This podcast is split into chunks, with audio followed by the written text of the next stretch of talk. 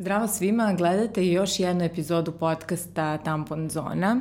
E, sav sadržaj vezan za ovaj podcast možete da pratite na Instagram stranici ove emisije Tampon Zona ili na platformi Mondona. Podcast možete da pratite na YouTube-u ili Soundcloudu. Danas je 10. E, oktobar, dan mentalnog zdravlja, te sam zbog toga nekako simbolično htela da pričamo o jednom aspektu našeg života koji dosta utiče i na naše mentalno zdravlje, a to su naši partnerski odnosi koje gradimo sa svojim partnerima i partnerkama i o tome ću pričati danas sa psihoterapeutkinjom Ksenijom Perišić. Ksenija, dobrodošla. Zdravo. Zapravo pričat ćemo o nezdravim vezama, šta su to sve nezdrave veze, malo ćemo se posle okrenuti na to što su zdrave i dobre veze. Ali ajde za početak da e, stalno nekako taj termin se provlači po nekim te testovima, vi, ajde proveri da li, da li si u nezdravoj vezi, šta je sve to nezdrava veza. E, kako bi ti definisala pojam šta je sve nezdrava veza? Mm -hmm. Pa prvo mislim da je super što ova tema ide na, na baš taj dan, e, zato što kvalitet naših veza vrlo značajno utiče na naše mentalno zdravlje, opšte blagostanje. E sad, ti kad si mi poslala tu temu i nekako mm -hmm. kad smo mhm. razgovarale o tome, o tom, tim nezdravim vezama, ja sam se isto malo zamislila zato što to možda nije baš tipičan termin koji mi koristimo da. u psihoterapiji. Znači, mi obično razmišljamo o tome da je kvalitet e, veze jedan kontinuum mm -hmm. i sad na jednom kraju imamo veze uh, koje su izrazito nekvalitetne, loše po osobe, koje su njima štetne uh, i sadrže nasilje a na drugom kraju e, bi bile neke idealne veze koje su, ne znam, savršene dobre i koje više predstavljaju neki ideal kome možda težimo. A ono, obično sa čim se susrećemo i terapiju u životu jeste sad milion nekih varijacija koje se nalaze između ove dve krajnosti. E, da, te, često se to i po tim nekim časopisima i u medijima, dakle, prolači taj termin nezdrava ili toksična veza. Mm. I ja sam jednu malu anketicu baš uradila na Instagramu, gde mi je 95 devojaka koje je odgovorilo na pitanje da li kad mhm. bilo u nezdravoj vezi, odgovorilo da jeste. E, onda sam postavila pitanje šta je za njih zapravo nezdrava veza, da vidim kako one percipiraju zapravo taj pojam. Uh, I baš sam dobila onako različite odgovore i onako, ne znam, meni se čini da su svi, da kažem, tačni, odnosno nekako e, odgovaraju tom opisu. Evo, neki od odgovora su kada, partner, e, kada je partner posesivno ljubomoran, kada je veza bez poverenja, zatim veza u kojoj jedan od partnera prekida ili ograničava lični razvoj drugog. Mm -hmm. e, pretnje, ucenjivanja, postavljanja ultimatima u vezi zatim mizoginija, internalizovana mizoginija i stokholmski sidrom kod žena. Wow. Mm -hmm. Super. E, da, zanimljivo. Mm -hmm. e, veza u kojoj postoji manipulacija, pasivno-agresivni vid komunikacije, emotivne ucene i tako dalje. Mhm. Posesivnost, stalno nabijanje krivice, gaslighting, to ja ne znam tačno šta je gaslighting, mm -hmm. ali dobro, kontrolisanje. Mm. Eto, kako ti se čine sad ti da, odgovori? Da, super. Da, vrlo da. su, ja bih se složila sa svima da. i onako zvučaju vrlo edukovano. da, i meni, mene to iznenadilo, onako, da, dosta onako. Da, da, pa taj gaslighting, to je mhm. termin koji je nastao posle nekog filma u kome, kao stari neki film, ne znam, da 50 i 60 mm -hmm. u kome muž ženu pravi ludom i sad kreira tako realnost da ona počinje da sumnja u to um, da li stvarno je nešto nije u redu, nije u redu s njom. Da. da. Tako da, da, da je odatle to odatle preuzeto. Odatle nastao taj termin, da. Uh, kad si rekla, dakle, da na jednom kraju, dakle, imamo te idealne veze i na drugom kraju su te nasilne veze. Pa yes. Ovaj, uh, često, dakle, pod pojmom nasilja, dakle, podrazumevamo samo to fizičko nasilje, mm. a zapravo to psihološko nekako mm. se najmanje i, pre, i prepozna i najmanje se priča o njemu. Mm. Uh, šta sve spada u psihološko nasilje? Šta bi ti rekla? Da, ja, to isto i moj utisak mm. i pogotovo da um, postoji neka promena u poslednjih uh, 10-15 godina da je nekako se lakše prepoznaje fizičko nasilje, prosto stav društva prema toj temi se ipak negde pomerio, ali da i dalje teško uh, negde prepoznati psihološko, ekonomsko, seksualno nasilje su to još teme na kojima je potrebno puno da se radi i nekako da se da učimo da, da ih prepoznemo. Uh, Uh, meni se sviđa kako su uh, ove uh, čitateljke to definisale, one su nekako skrenule pažnju na tu temu ljubomore i posesivnosti. Mm -hmm. To je, to je tačno, zato što suština svakog nasilja, bez obzira koji oblik ima, jeste uspostavljanje moći i kontrole nad drugom osobom. E, I često je upravo ta neka patološka ljubomora neki prvi signal koji mi imamo o tome da nešto nije u redu i da zapravo druga osoba ima tu izrazitu potrebu da nas kontroliše. E, tako da, znači tu mogu, tu mogu sad stvarno, te taktike su jako raznovrsne, sad ne znam šta bi sve nabrojala od toga, to kontrolisanja, s kim se viđaš, kad se viđaš, kad dolaziš, kad odlaziš, e, karakterističan je te pokušaj da se izoluje osoba od nekog e, dotadašnjeg kruga prijatelja, porodice, ta izrazita posesivnost da se zadrži samo za sebe, znači tu postoji prosto puno, da, puno načina, ali svi imaju isti cilj. Da, isto i to stopiranje nekog ličnog razvoja osobe, to jest verovatno da se, dakle, uopšte ne gleda na vezu kao na nešto u čemu su dve individue. Dakle, tačno, posebno. tačno, tačno, tačno. Nego im, postoji ta jedna potreba izrazita za dominacijom od strane jedne osobe, gde druga osoba se više doživljava uh, u funkciji zadovoljenja te potrebe, kao neki objekat više nego individua za sebe to jeste. Da. E, ovaj, malo pre smo, pre nego što smo ušli u studio, baš komentarisale isto, ja sam ti pričala da sam imala, da sam dosta radila sa nekim mlađim devojkama mhm. koje mm -hmm. su eto tek na početku ulaska u neke emotivne odnose i veze. I da, inače i autonomni centar i mogu da neću kampanja su radile istraživanje gde je dosta devojčica, dakle, ne prepoznaje to psihološko nasilje. Uh, I ono što je zanimljivo jeste da dosta njih tumači baš tu ljubomoru i kontrolu kao odraz ljubavi. Zašto se to često meša kao, i tumači kao odraz neke ljubavi i strasti?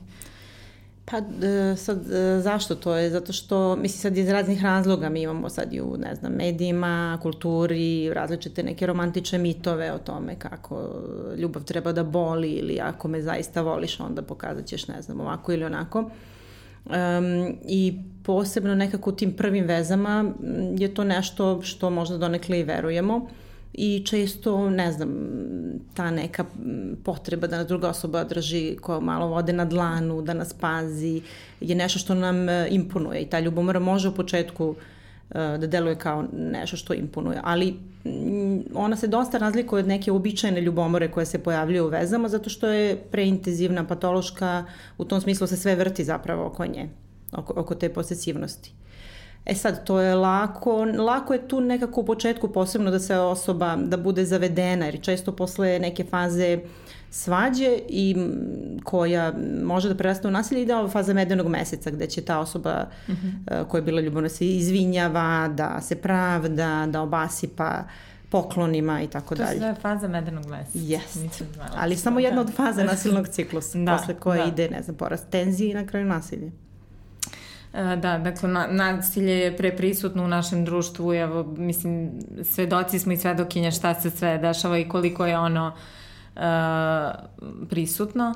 Uh, ono što često isto uh, je prisutno jeste to kao zašto ona nije prijavila nasilje, zašto ga nije prepoznala, koliko je teško zapravo prepoznati da si u nasilnoj vezi ili nezdravoj vezi.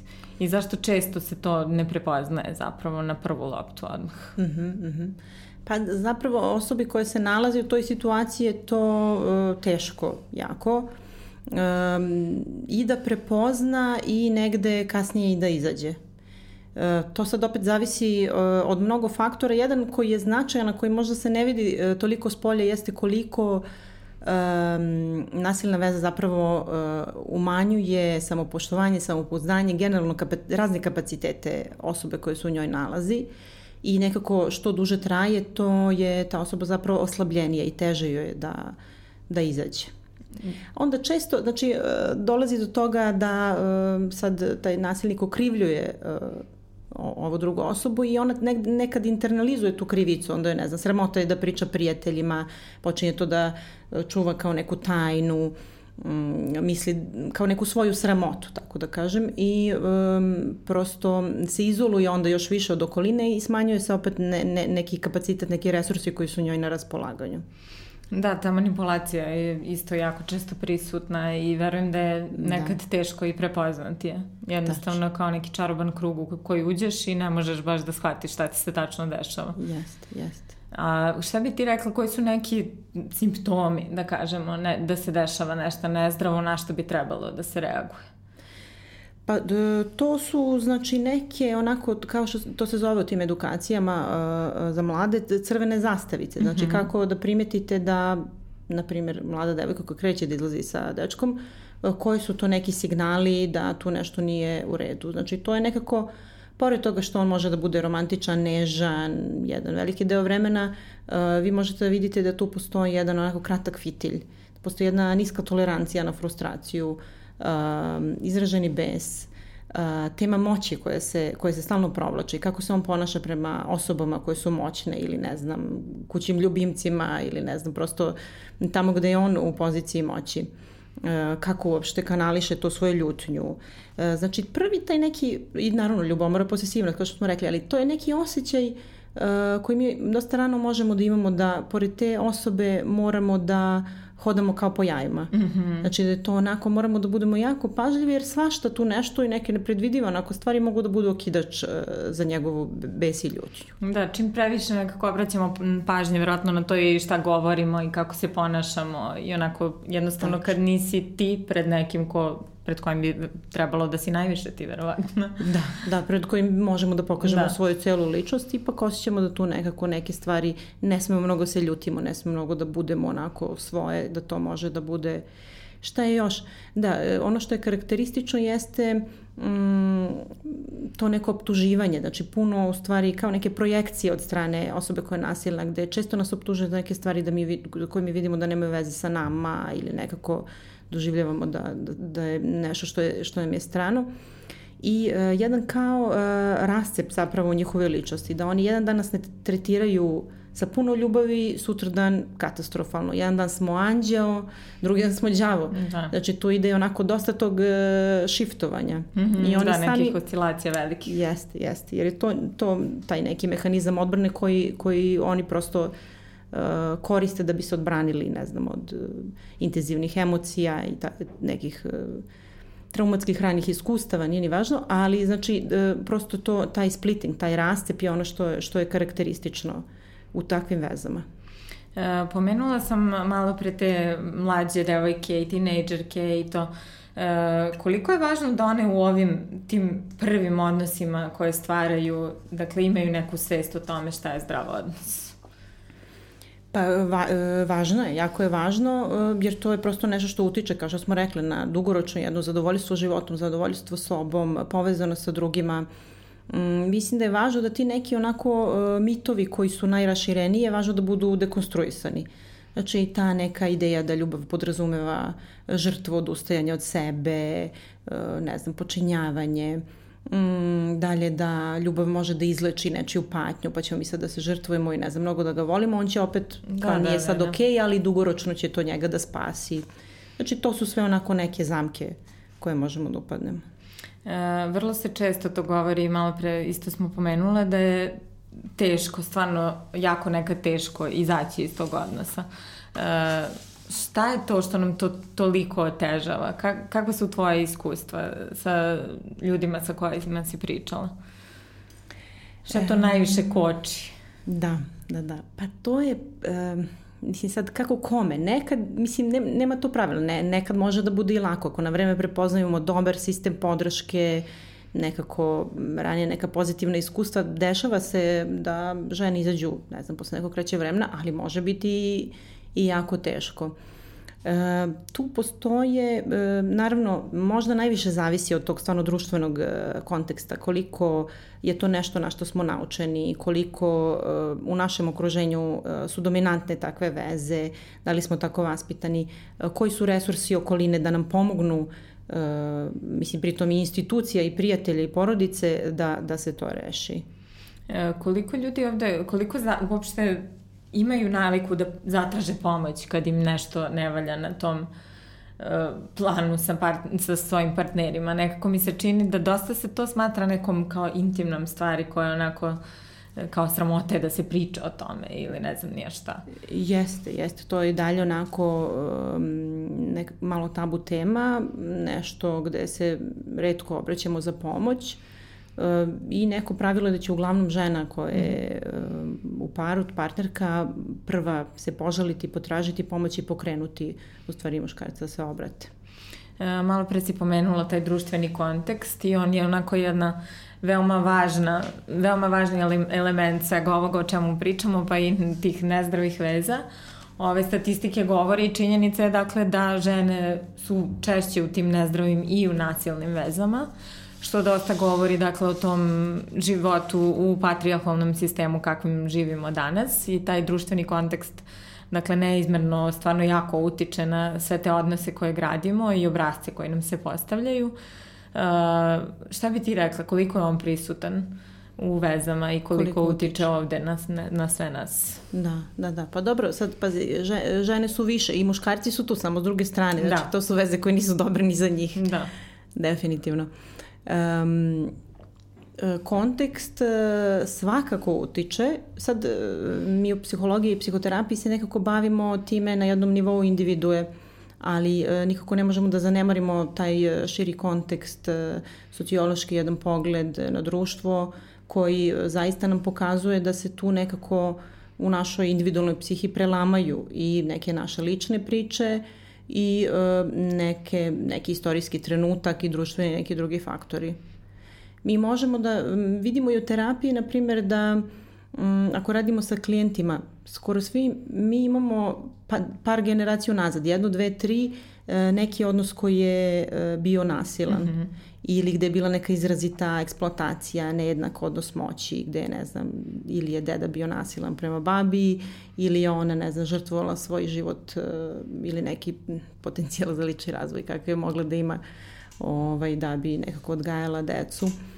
E, I to je ono što um, takvi izraziti, izrazito neravnopravni odnosi ili nasilni odnosi uh, prave jedan um, uh, jedan intergeneracijski efekt. To, to je kao jedna trauma koja se prenosi uh, kroz generacije gde onda uh, prosto potomci ostaje im kao to neko za, u nasledđe ta dilema mm -hmm. kako drugačije.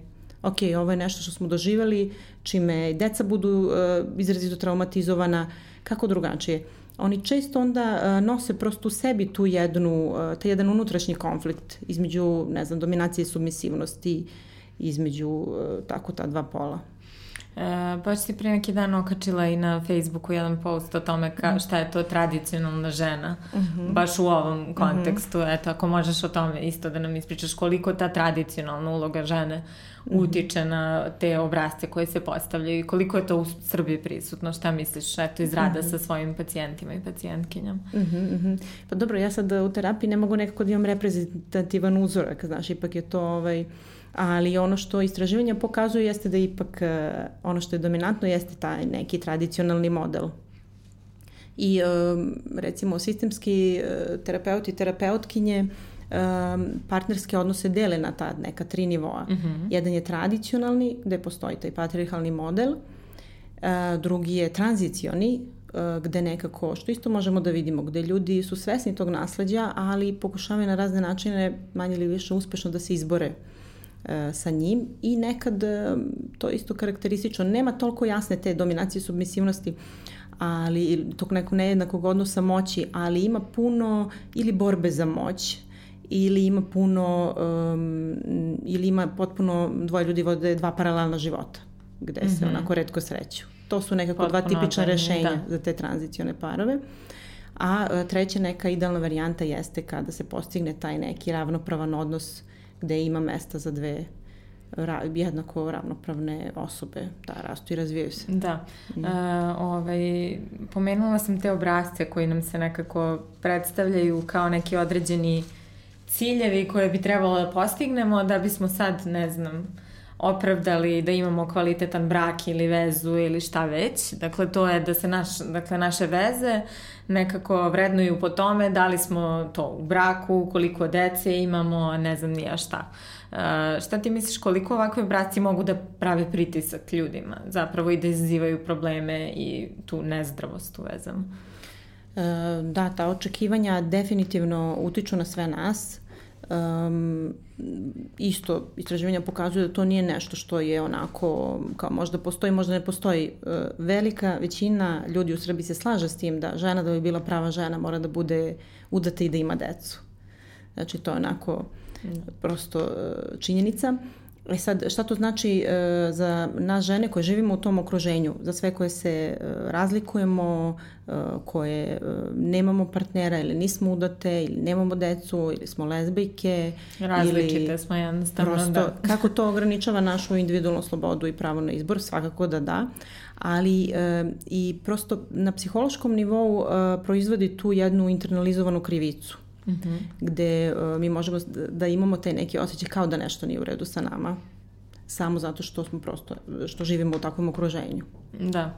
E, isto tako je pri, i muškarci, dakle, mrzim da kažem da je i njima teško, ali jeste. Mislim, i oni su žrtve patrijarhata definitivno i pred njima se isto tako neke uloge e, koje oni bi trebalo da ispoštuje postavljaju pa se tako očekuje od njih da im budu manje empatični, ne znam, da ne, znam, ne učestvuju u kućnim poslovima ili ne znam nija šta. Koliki to pritisak njima može da stvori isto? Mm -hmm.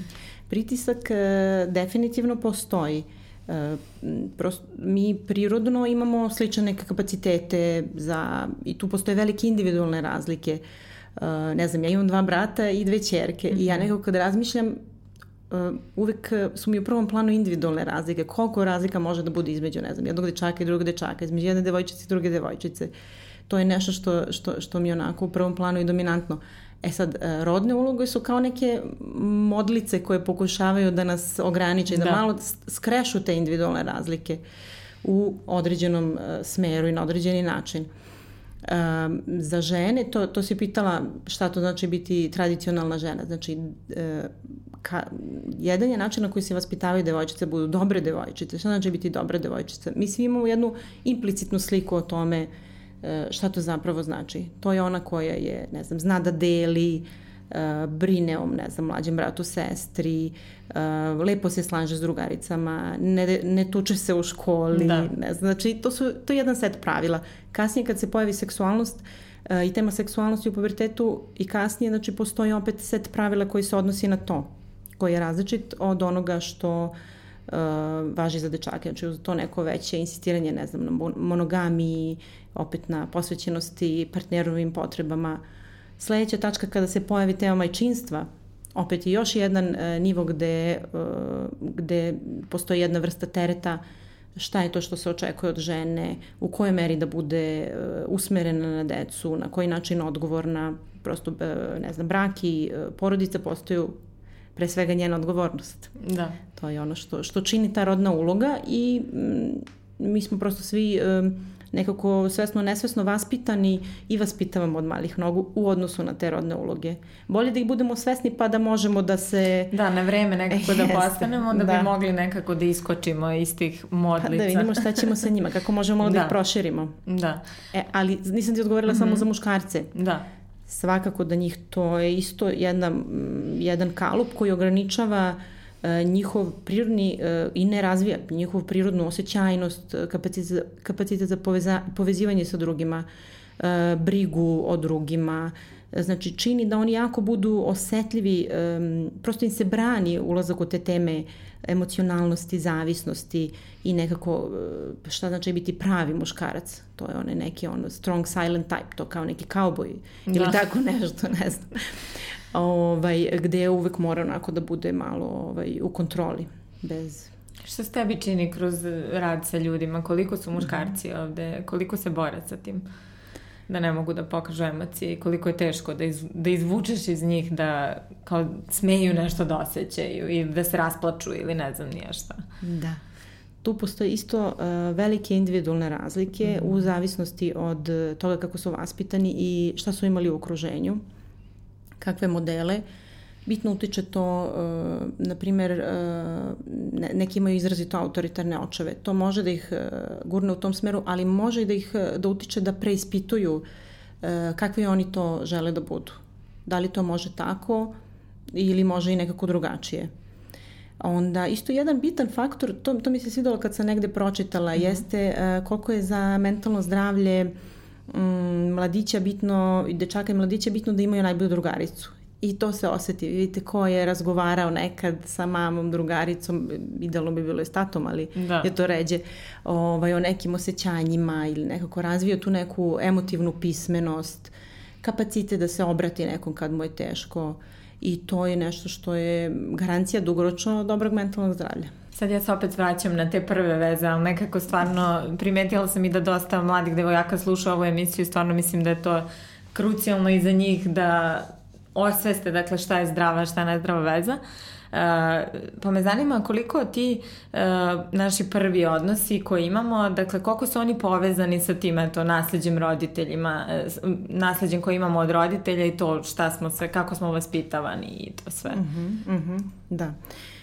Pa kaže se za te prve veze da um, mi inače kasnije, ali posebno u prvim vezama ponavljamo neke šeme obrazce koje nosimo sa sobom iz porodice, iz detinstva i one obično predstavljaju e, neki prostor gde mi kao da završavamo te neke nezavršene psihološke procese mm -hmm. i mhm. poslove koje imamo e, sa roditeljima. Um, recimo, psihoterapeutkinja Elinor Green, Greenberg, ona se dosta bavila tom temom i u jednom tekstu dosta dobro objašnjava zašto se nekad čini kao da biramo iste partnere, čak i kad su loši po nas. I ona kaže uh, da je to zato, ne zato što mi želimo da se ta trauma ponovi, nego zato što želimo, uh, bir, pokušamo da na, napišemo priču sa drugačijim krajem. Mm -hmm. Mi uh, opet kao da stalno počinjemo od početka uz nadu da će uh, na kraju to zapravo drugačije se završi, da, se završi, da će imati srećan kraj. Da, i to je na jednom nesvesnom nivou, naravno, uglavnom. E, nas u stvari, šta je ono nešto što oblikuje te naše šeme koje nosimo? E, mi obično imamo neke nezadovoljene e, potrebe koje stoje iza toga, koje su e, potrebe, ne znam, ili za bliskošću, ili za nekom validacijom, ili za slobodom, ili mogu biti bilo šta, vrlo su raznolike.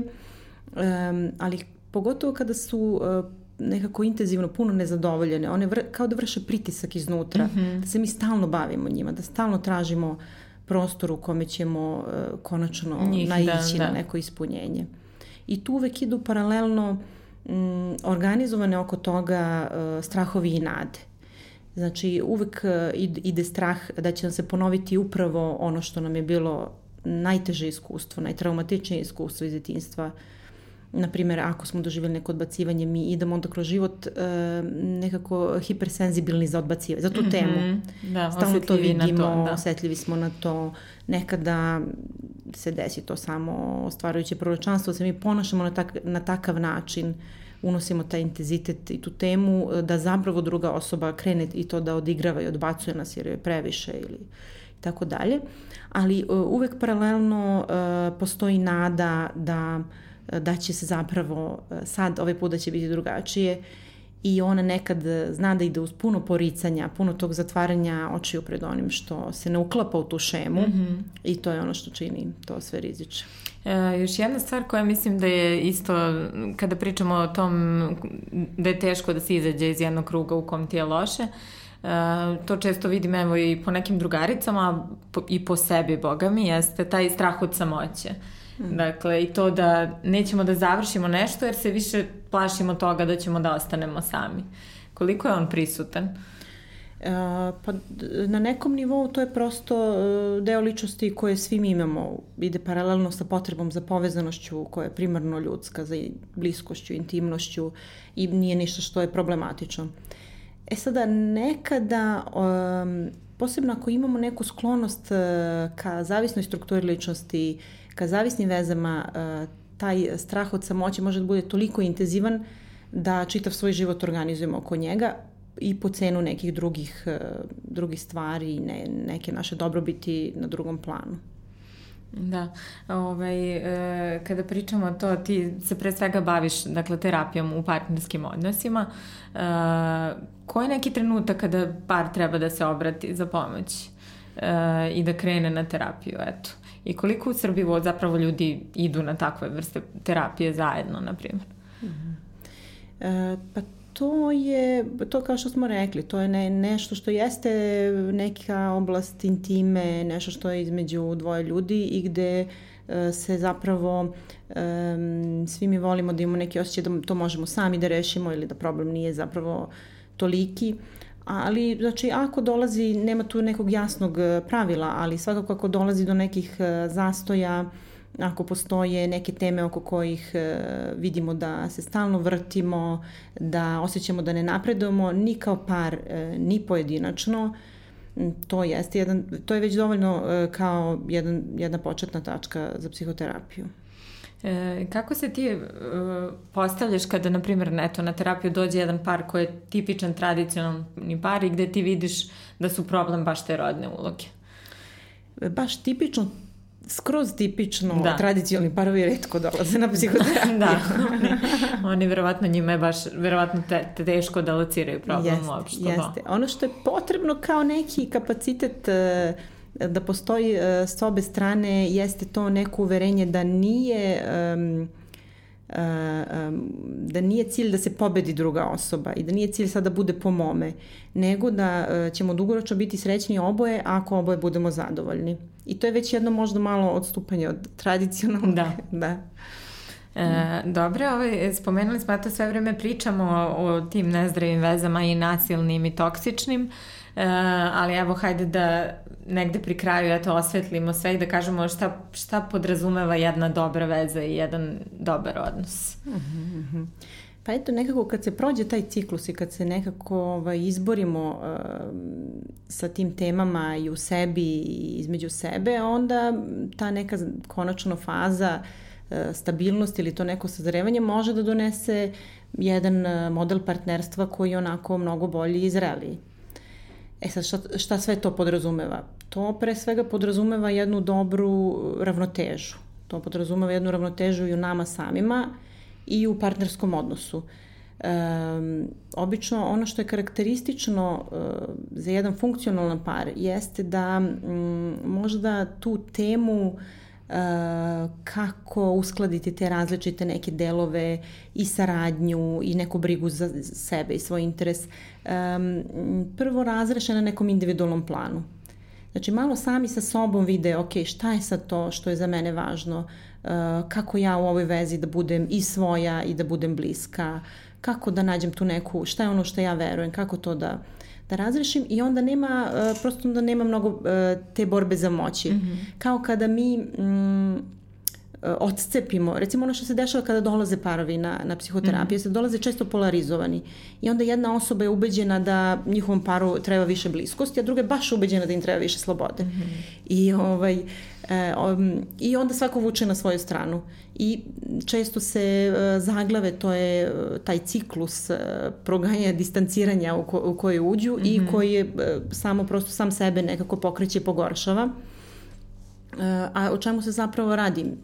Radi se o tome da, da su obe osobe um, nisu svesne toga da zapravo u sebi nose oba ta dela. Svi mi imamo jedan kapacitet e, i za bliskost i za autonomiju. Da i za neku individualnost, i za intimnost, e, i za neki lični razvoj ili šta već. E, znači, kada osvestimo ta oba dela, onda možemo i malo sami sa sobom uh, postignemo bolju ravnotežu, mi onda i drugu osobu vidimo realnije, nemamo potrebu da projektujemo toliko, se borimo s njom s polja, nego možemo da otvorimo taj neki e, prostor za saradnju, dogovaranje, pa i konflikt. Da, to je ono što mislim važno. da je, mislim lepo si sve to objasnila i mislim da je jako važno, to je jedna veoma zdrava onako definicija jednog dobrog odnosa. Uh, I mislim da je isto važno da ne, ne treba ni idealizovati previše, da i to često zna da bude problem. Da, da, da, da, da. To je, jeste sve onako u teoriji lakše nego u praksi svima nama, to je da. prirodno. Ovaj, ali nekako kad smo svesni svih ovih stvari, onda ipak bude malo lakše.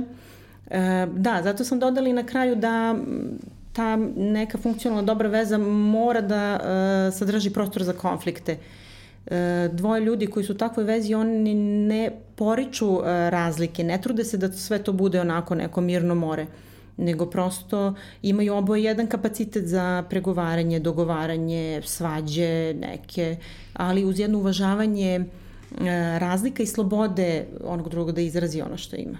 Da, i evo za kraj bih te pitala samo, pošto je to dan mentalnog zdravlja, koliko koliko naši odnosi koje imamo sa partnerima utiču na naše mentalno zdravlje i koliko je bitno da vodimo računa o njima?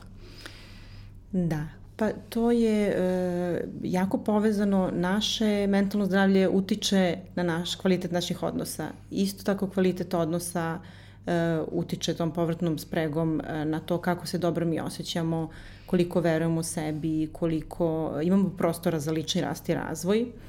E, tako da e, jedno i drugo je jako bitno. Dobro, hvala ti puno na ovom razgovoru. E, hvala tebi. Hvala.